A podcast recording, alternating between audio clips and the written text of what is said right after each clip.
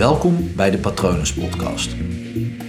Mijn naam is Paul Vet en in deze podcast deel ik inspiratie voor een leven vol vrijheid en verbinding.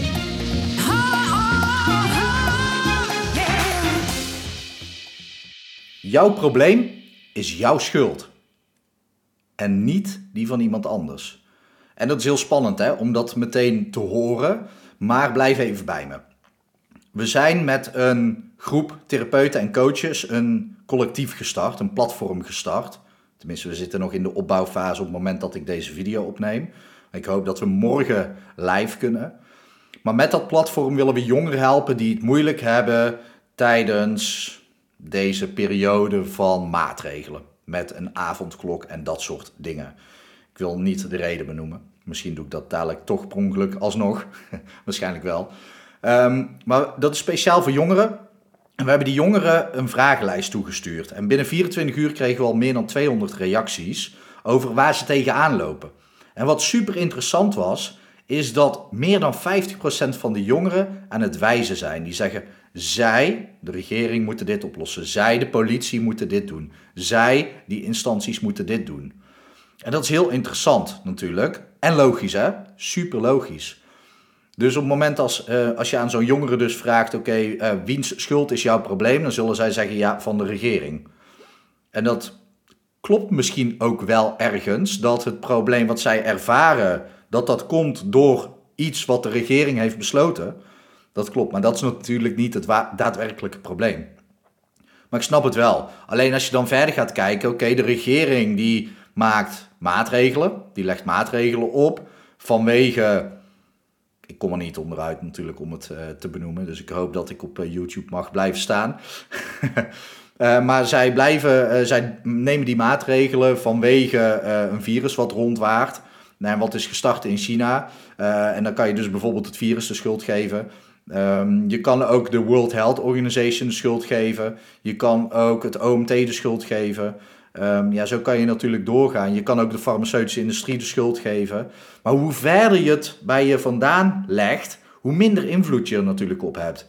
En dat is een gevaarlijk ding, want op het moment dat jij steeds meer het idee krijgt dat je geen invloed hebt, dan zal je dus ja, jezelf steeds depressiever gaan voelen. Dat kan, hè? Het kan een depressief gevoel zijn of een machteloos gevoel. Want op het moment dat jij geen invloed hebt, dan verlies je de controle.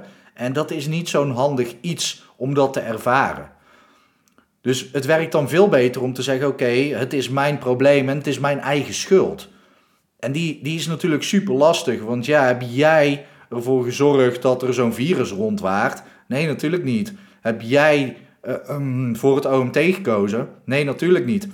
Heb jij invloed gehad op uh, de regering die hier nu zit? Ligt eraan hoe oud je bent. Een heel klein beetje.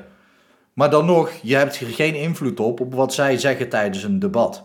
Dat is gewoon heel lastig. Maar op het moment dat jij zegt, ja, de schuld ligt buiten mezelf, dan heb jij echt een groot probleem. Want dan heb je dus geen invloed. Nu is het zo dat ik bij mijn klanten, mijn cliënten die bij mij in de stoel zitten, vertel ik juist iets anders. Daar ga ik over tot er is geen schuld. Maar er zit één, één, één groot verschil in tussen wat die jongeren zeggen en wat mijn cliënten zeggen. Kijk, die jongeren zeggen zij moeten het oplossen buiten zichzelf. Een cliënt die komt naar mij toe en zegt ik ga het binnen in mezelf oplossen. Soms moet dat nog een beetje geactiveerd worden, want soms denken ze dat ik het voor ze oplos. Uh, maar dat is natuurlijk niet het geval, want elke cliënt lost het in zichzelf op. Dus elke cliënt die bij mij in de stoel komt zitten is ja, bij voorbaat een held. Want die zegt oké, mijn probleem is mijn schuld en ik pak het op. En dan gaat het niet meer over schuld, dan gaat het over verantwoordelijkheid. En dat is relaxed. Want als je echt over schuld gaat hebben, dan is er ook geen schuld. Dat is veel te lastig, want ja, als je schuld en verantwoordelijkheid als hetzelfde ziet, dan kan je zeggen gedeelde verantwoordelijkheid is geen verantwoordelijkheid. En zo is dat met schuld wellicht ook wel. Gedeelde schuld is geen schuld. Dat zie je bij het aftreden van het kabinet natuurlijk. Maar dat is even een eh, knipoog terzijde. Uh, op het moment dat jij dus gaat kijken van oké, maar alles wat er in mijn leven is, is mijn schuld. En die is lastig hoor, voor sommige dingen. Die is echt lastig. Maar op het moment dat jij dat gaat zeggen, het is mijn schuld, dan heb je de mogelijkheid om te veranderen. Doe je dat niet en blijf je het buiten jezelf leggen, dan heb je niet de mogelijkheid om het te veranderen. Want dan blijf jij er omheen cirkelen. Dan kan je dus wel leren hoe jij omgaat, wat dus jouw verantwoordelijkheid dan is, met dat gegeven. Maar dat, dat is een lastig iets. Je kan het beter in jezelf stoppen en zeggen: Oké, alles wat ik in mijn leven zie, gewoon alles, alles om me heen, is mijn schuld, is mijn verantwoordelijkheid. En dan ga je ook dingen zien en dingen vinden om het op te lossen. Ik zeg al, die is echt lastig hoor. Even over het stukje geen schuld. Want dat is echt wel veel relaxter om daarover na te denken. Kijk, jij bent opgevoed door je ouders, je voogd. je bent een mens, dus je, je bent sowieso opgevoed, want anders gaan wij heel erg dood. Wij zijn natuurlijk best wel een slap wezen. We hebben echt wel heel lang een periode nodig van mensen die voor ons zorgen. Dus je bent opgevoed door uh, iemand, uh, hopelijk gewoon door twee ouders.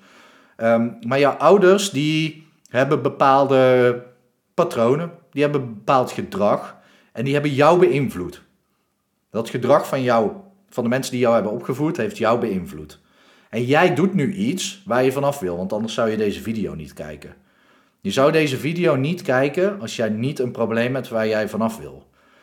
Dus op het moment dat jij daaraan denkt, dan wil jij iets niet meer doen of iets wel doen, maar je doet het niet of je doet het wel. Dus daar zit een verschil in. Dus jij weet dat, maar je doet het niet. Of andersom. Zo geldt dat voor jouw ouders ook. Die wisten misschien wel, hey, dit moet anders, maar die wisten niet hoe.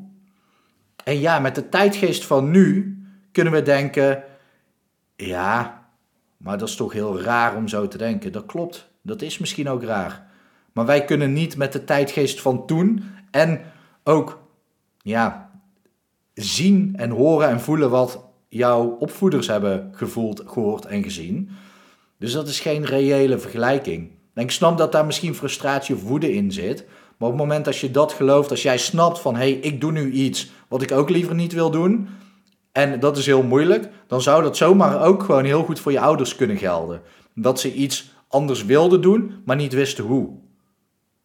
Het kan ook dat ze niet eens wisten dat ze iets anders beter konden doen. Ja, als iemand het niet weet, kan je ze dan de schuld geven? Nee.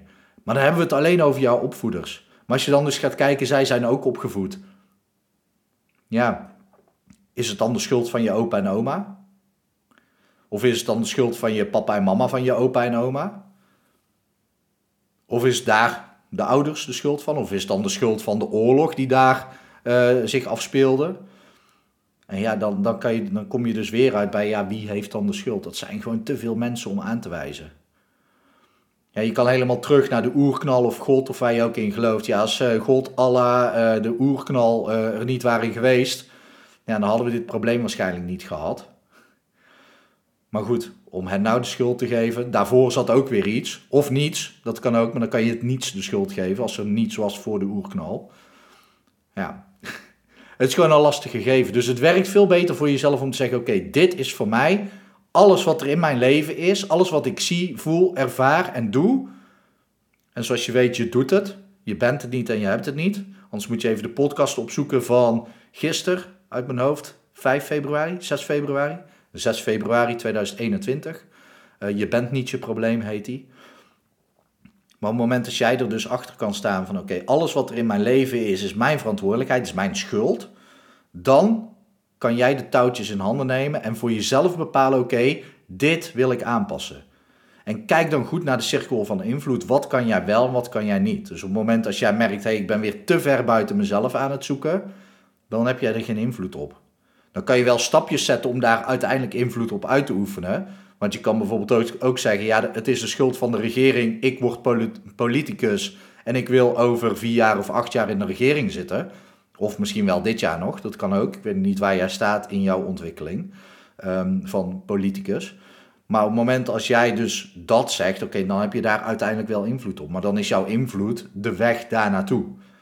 En niet daar al. Dus zoek het dicht bij jezelf. En op het moment dat je merkt, hey, het staat te ver van mezelf af, daar heb ik geen invloed op, dan werkt het dus niet. Dus neem de verantwoordelijkheid over alles wat er in je leven is. En er vindt echt een mindshift eh, plaats. Want dan zeg je dus: oké, Mijn probleem is mijn schuld. En ja, dat is eng, maar ik weet zeker dat jij dat kan. Succes!